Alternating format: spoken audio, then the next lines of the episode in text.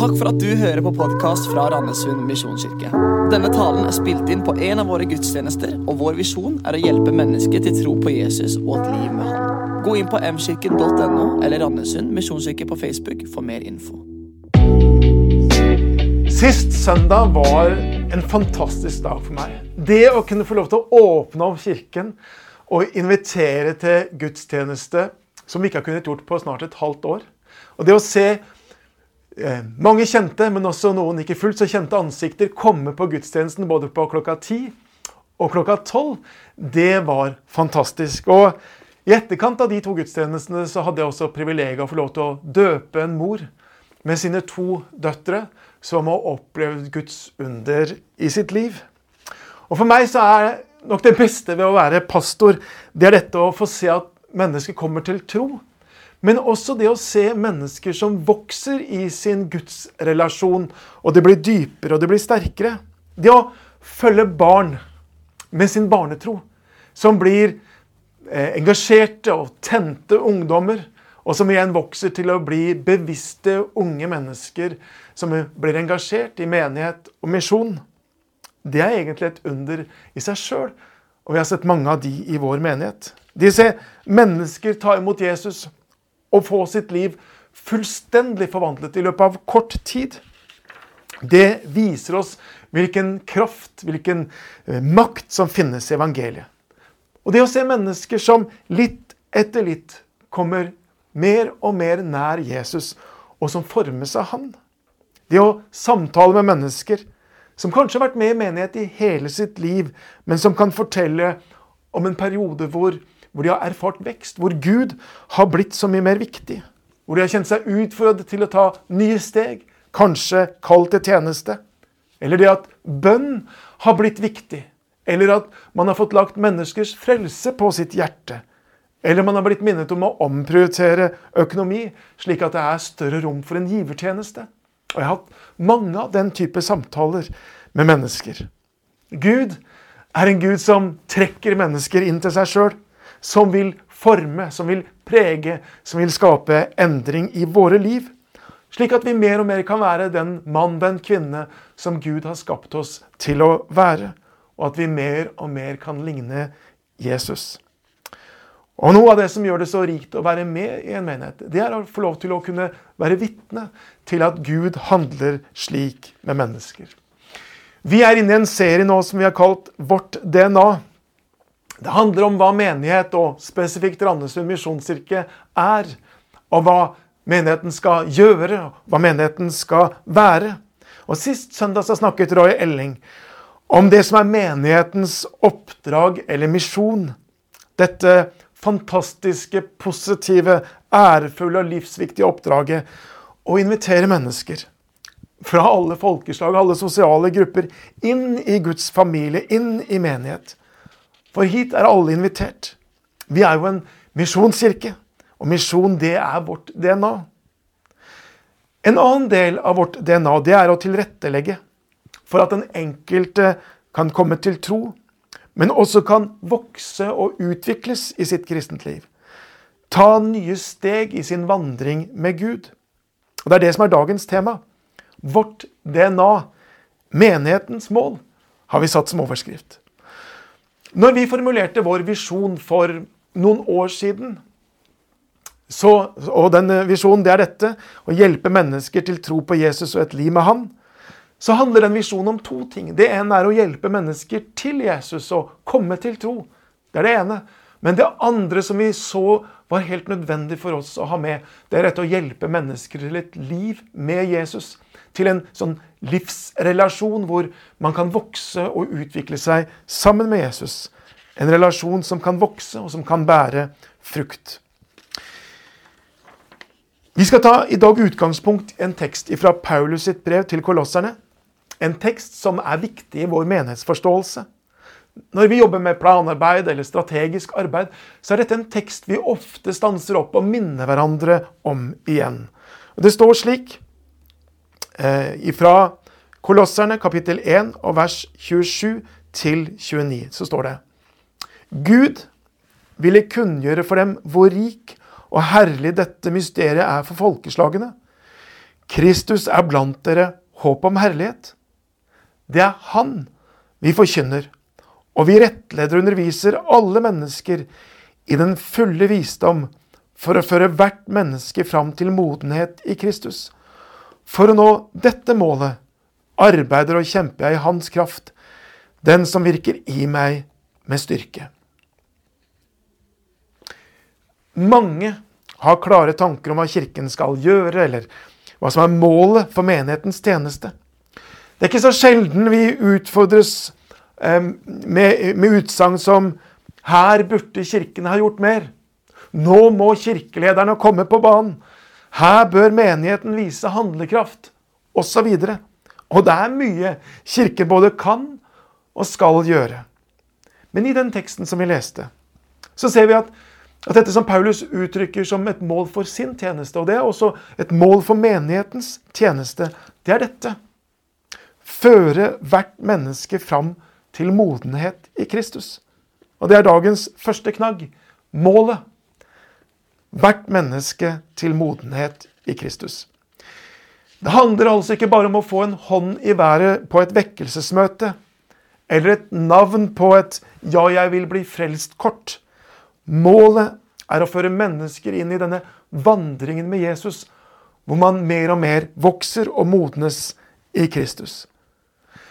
Og Egentlig så er det det samme som Jesus sier når han i misjonsbefalingen som han gir til disiplene og til kirken, sier gå og gjør alle folkeslag til disipler. Det er karakteriserende ved kirkens oppdrag at vi ikke skal rekruttere fans, sympatisører, tilhengere eller kunder. Oppdraget er å gjøre disipler. Og Disipler i denne sammenhengen det handler om mennesker som blir etterfølgere av Jesus, som følger hans eksempel og lar sitt liv forme han, slik at de mer og mer blir mer og mer lik Jesus.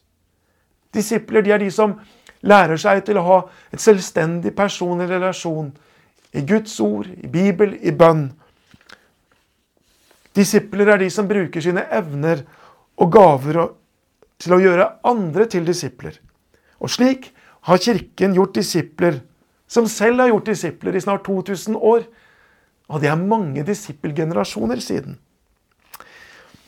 Når en blir oppmerksom på det, så kan en ikke unngå å se hvordan Det nye testamentet igjen og igjen snakker om dette med, med Kirken som et sånt vekst- og modningsperspektiv. Når f.eks. Eh, Bibelen bruker ulike bilder på menigheten, så handler alle disse bildene om, om vekst, om modning, om frukt. Når Jesus f.eks. Johannes 15 bruker vintre som et bilde på menigheten og sier at 'dere er grenene, og jeg er stammen', så snakker han om at greiene de skal bære frukt. De har mye frukt.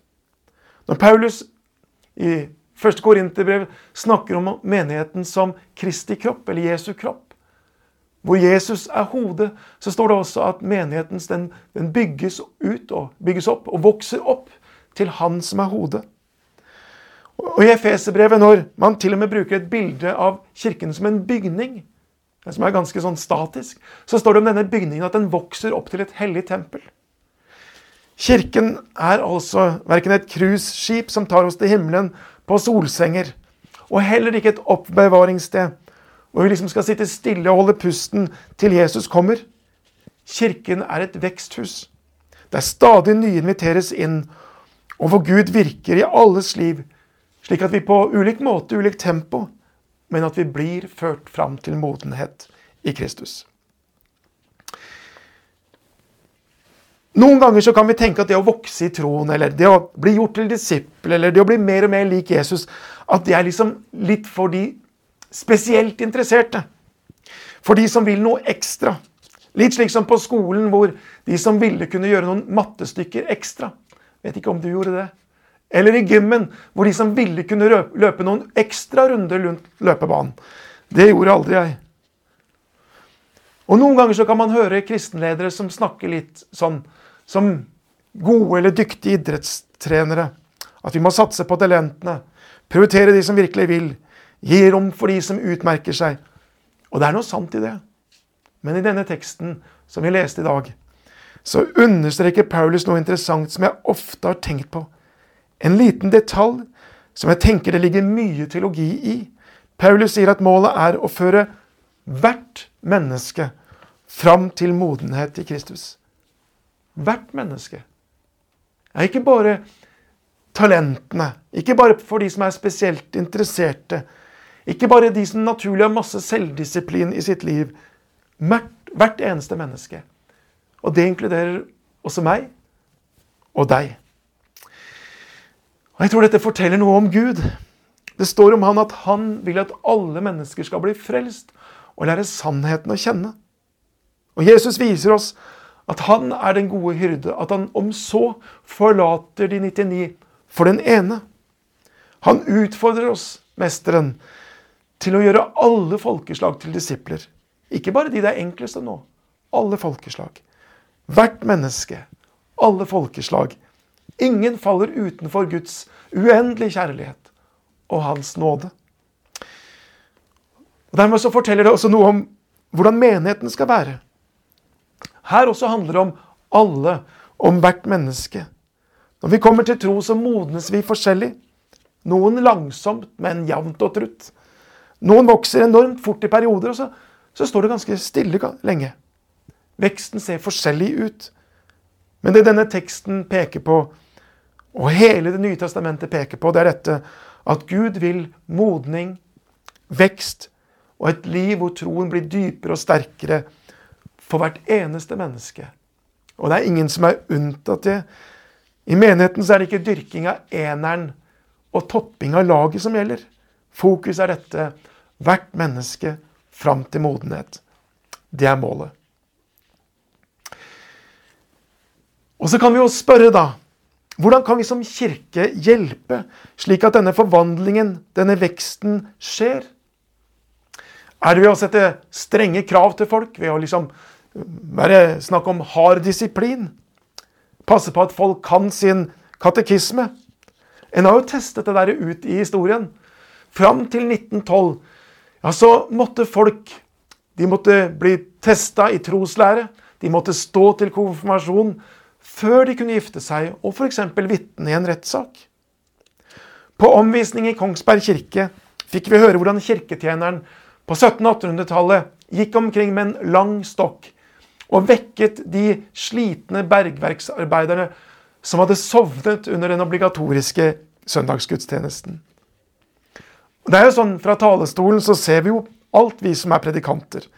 Så jeg kan jo forstå fristelsen av å dytte borti noen som dupper av under en tale. Men det er jo ikke sikkert at det fører med seg så mye åndelig vekst. Paulus har en ganske enkel, nesten ensidig metode. Han slirer slik i denne teksten. Det er ham vi forkynner, og vi rettleder og underviser alle mennesker i den fulle visdom for å føre hvert menneske fram til modenhet i Kristus. Og det er dagens andre punkt, eller andre knagg, metoden å forkynne Kristus. Og så hadde Paulus en mye mer omfattende strategi enn som så. Når vi leser om hans misjonsreise, f.eks., så ser vi at det er en ganske sånn bevisst og klar tanke for det han gjør. Men det kan altså sammenfattes i dette forkynne Kristus. Veien til kristen vekst er alltid dette å vokse i kunnskap og kjennskap til Jesus. Det å forstå mer og mer av hva nåden betyr. Forstå mer hva korset betyr. Og i dette så er forkynnelsen det er helt avgjørende. Og Derfor i vår menighet så står forkynnelsen sentral. Vi tror den er viktig, og derfor så gis den rom. Så når vi som eh, forkynnere pastorer bruker en halvtime av søndagens gudstjeneste til preken, ja, så er ikke det for at vi elsker å stå på en scene. I hvert fall gjør ikke alle av oss det. Det er heller ikke fordi vi elsker å stå foran et kamera, men det er fordi vi tror at det er avgjørende i denne forbindelse her med at det skaper vekst. Som Paulus sier i Romerbrevet kapittel 10, så kommer troen av budskapet en hører. Og budskapet kommer av Kristi ord. Å modnes som kristen handler aldri om å forsøke å holde noen regler så godt en kan, eller forsøke med all sin viljestyrke å leve slik en burde. Men det handler alltid om dette å se mer og mer og mer av hva Jesus har gjort, og hvem han er. Det fører til vekst og modenhet. En vekst og en modenhet som kommer innenfra. Fordi Gud gjør noe med mitt sinn, han gjør noe med mitt hjerte. Og så bærer det frukt i livet. Det er en som har sagt det slik. Den kristne tro er først og fremst budskapet om Jesu komme, død oppstandelse. Når det blir trodd på en slik måte at det blir vårt nye operativsystem, så leder det til en ny måte å leve på. Veksten kommer av budskapet. Veksten kommer innenfra. Paulus sier, 'Han, Kristus, er det vi forkynner'. Og I denne sammenhengen handler det ikke om bare det som skjer på søndag formiddag. Alle som tror, kan være med å fortelle og formidle til hverandre og til nye om hva Jesus har gjort. Og på ulik måte så har vi alle en rolle, og vi kan alle delta. Foreldre de forkynner til sine barn. Og ingen har for et barn sterkere stemme enn mamma og pappas. Ledere i barne- og ungdomsarbeid har en stor oppgave i dette å, vise barna og de unge hvem Jesus er. Forkynne. Evangeliet om Jesus Kristus for de, for den oppvoksende generasjon.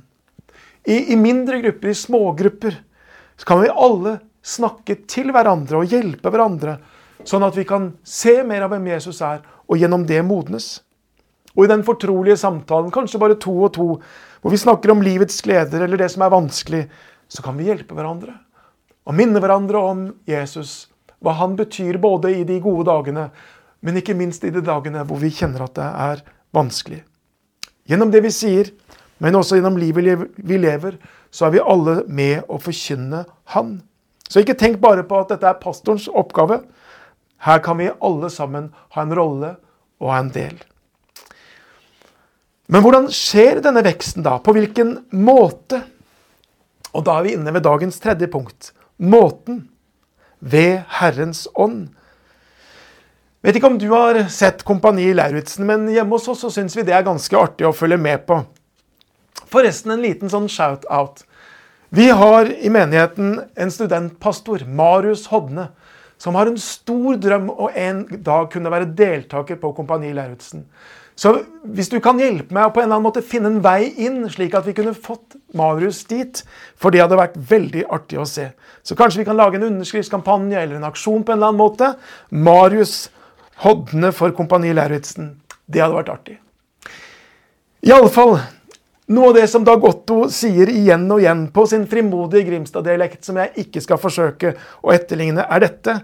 At målet med oppholdet er at deltakerne skal bli en bedre versjon av seg selv. Og den strenge disiplinen, kjeftingen, testene og de fysisk krevende oppgavene deltakerne føres gjennom, har dette som mål. At de skal kjenne på sine egne grenser, og at det skal skape personlig vekst og utvikling. Og Hele dette området som vi kaller selvutvikling, det er kjempestort i dagens samfunn.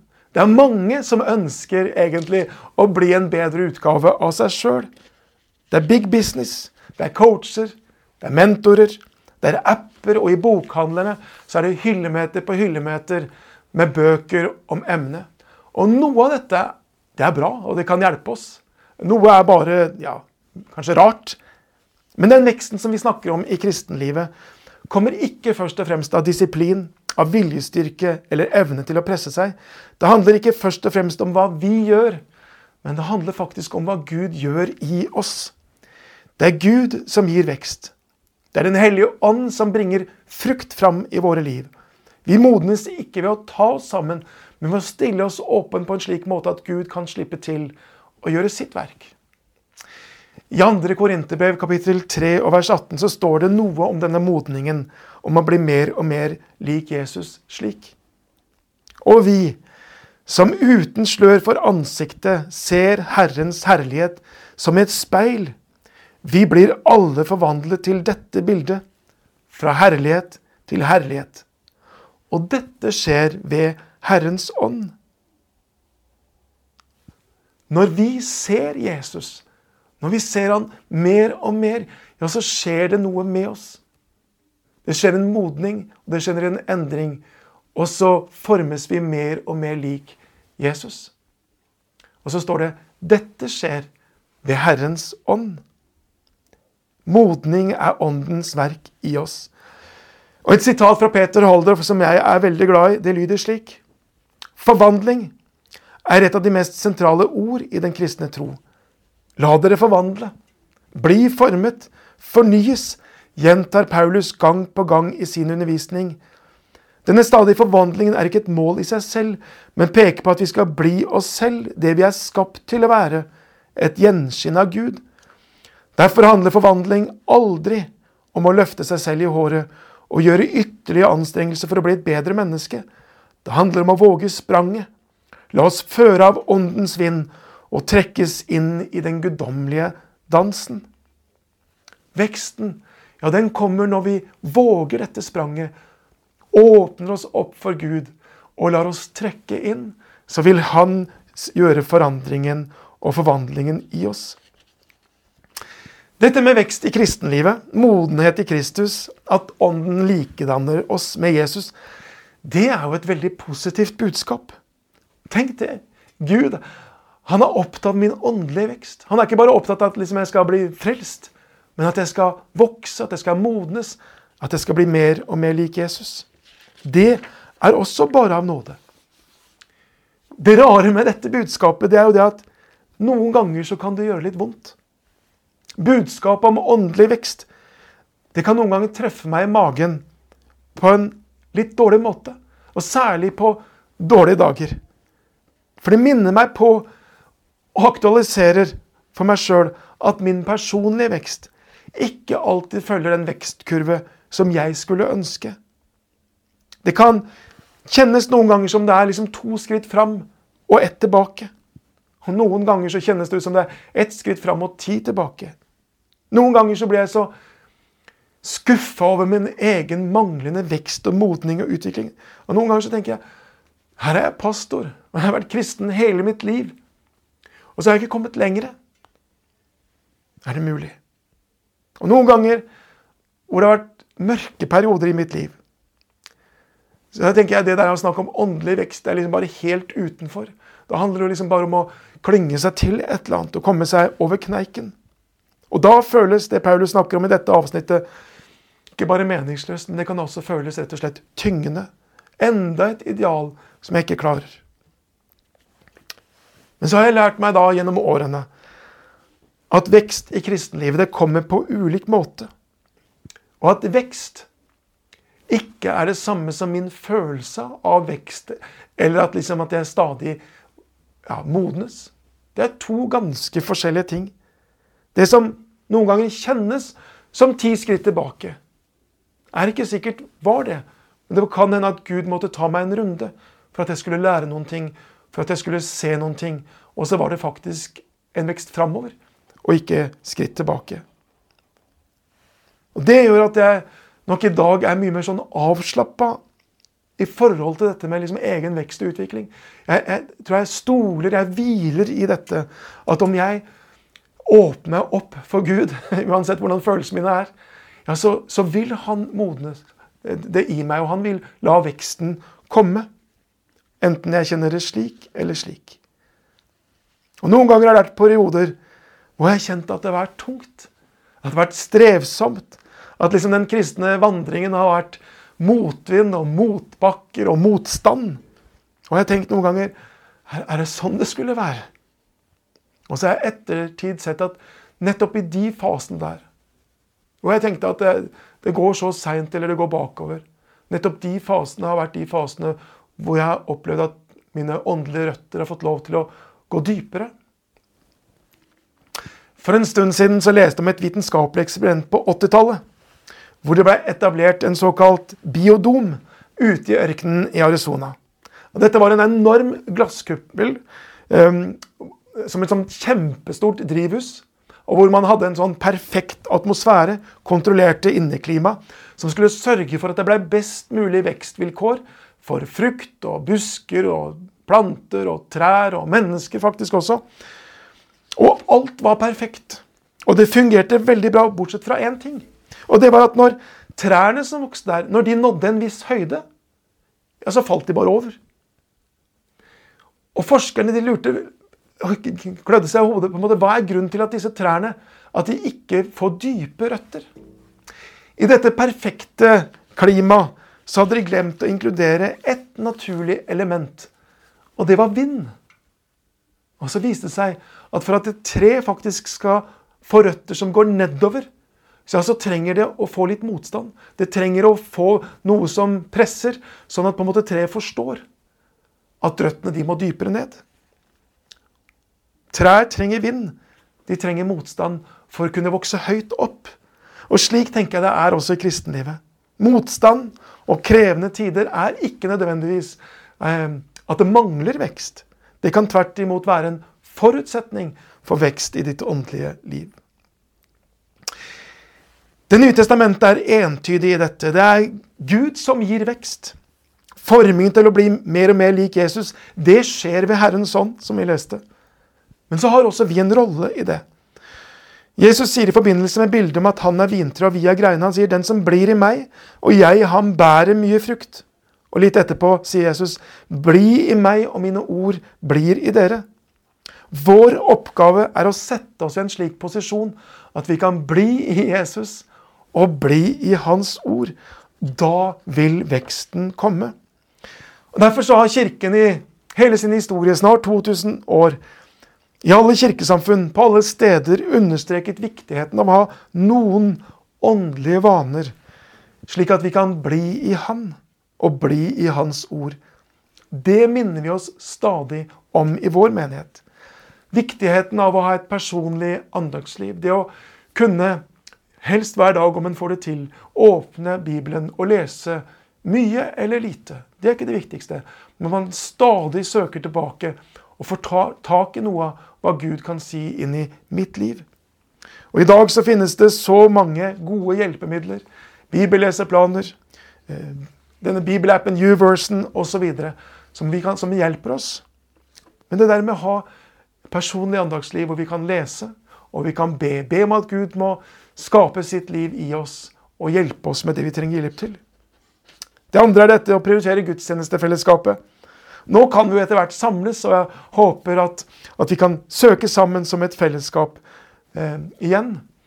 Og når vi ikke kan det, så tenker jeg det å få med seg en gudstjeneste på nett er også viktig. Det er ikke like bra, men det er be mye bedre enn ingenting. Å sitte med et åpent sinn og ta imot ordet når Kristus forkynnes. Det å høre bibelsk forkynnelse gjennom livet mitt tror jeg er det som har betydd aller mest for min åndelige vekst og utvikling. Og så anbefaler vi også dette med mindre fellesskap.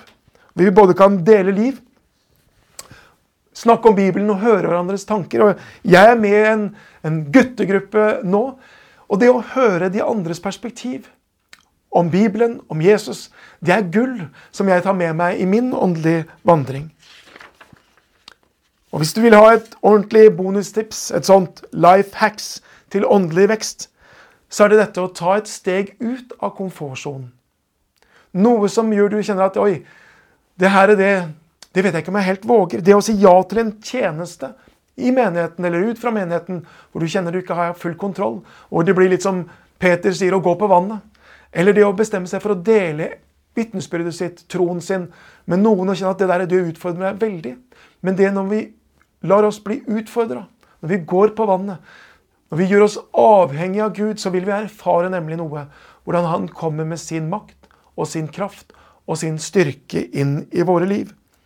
For legg merke til hvordan Paulus avslutter vårt avsnitt. Det står for å nå dette målet, altså å føre mennesket fram til modenhet i Kristus, arbeider og kjemper jeg i Hans kraft, den som virker i meg med styrke.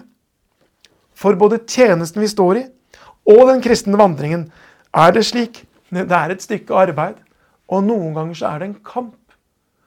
Men vi står ikke alene, og vi trenger ikke å kjempe i egen kraft. Vi kan få lov til å erfare det som Paulus snakker om, at vi kan gjøre det i hans kraft. Den som virker i oss med styrke. I Jesu navn. Amen. La oss be.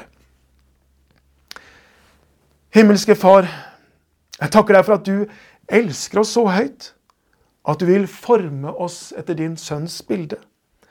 Takk for at det er du som skaper endring og vekst i våre liv. Og takk for friheten det gir. Takk for at det gjør at vi kan senke skuldrene, vi kan slappe av.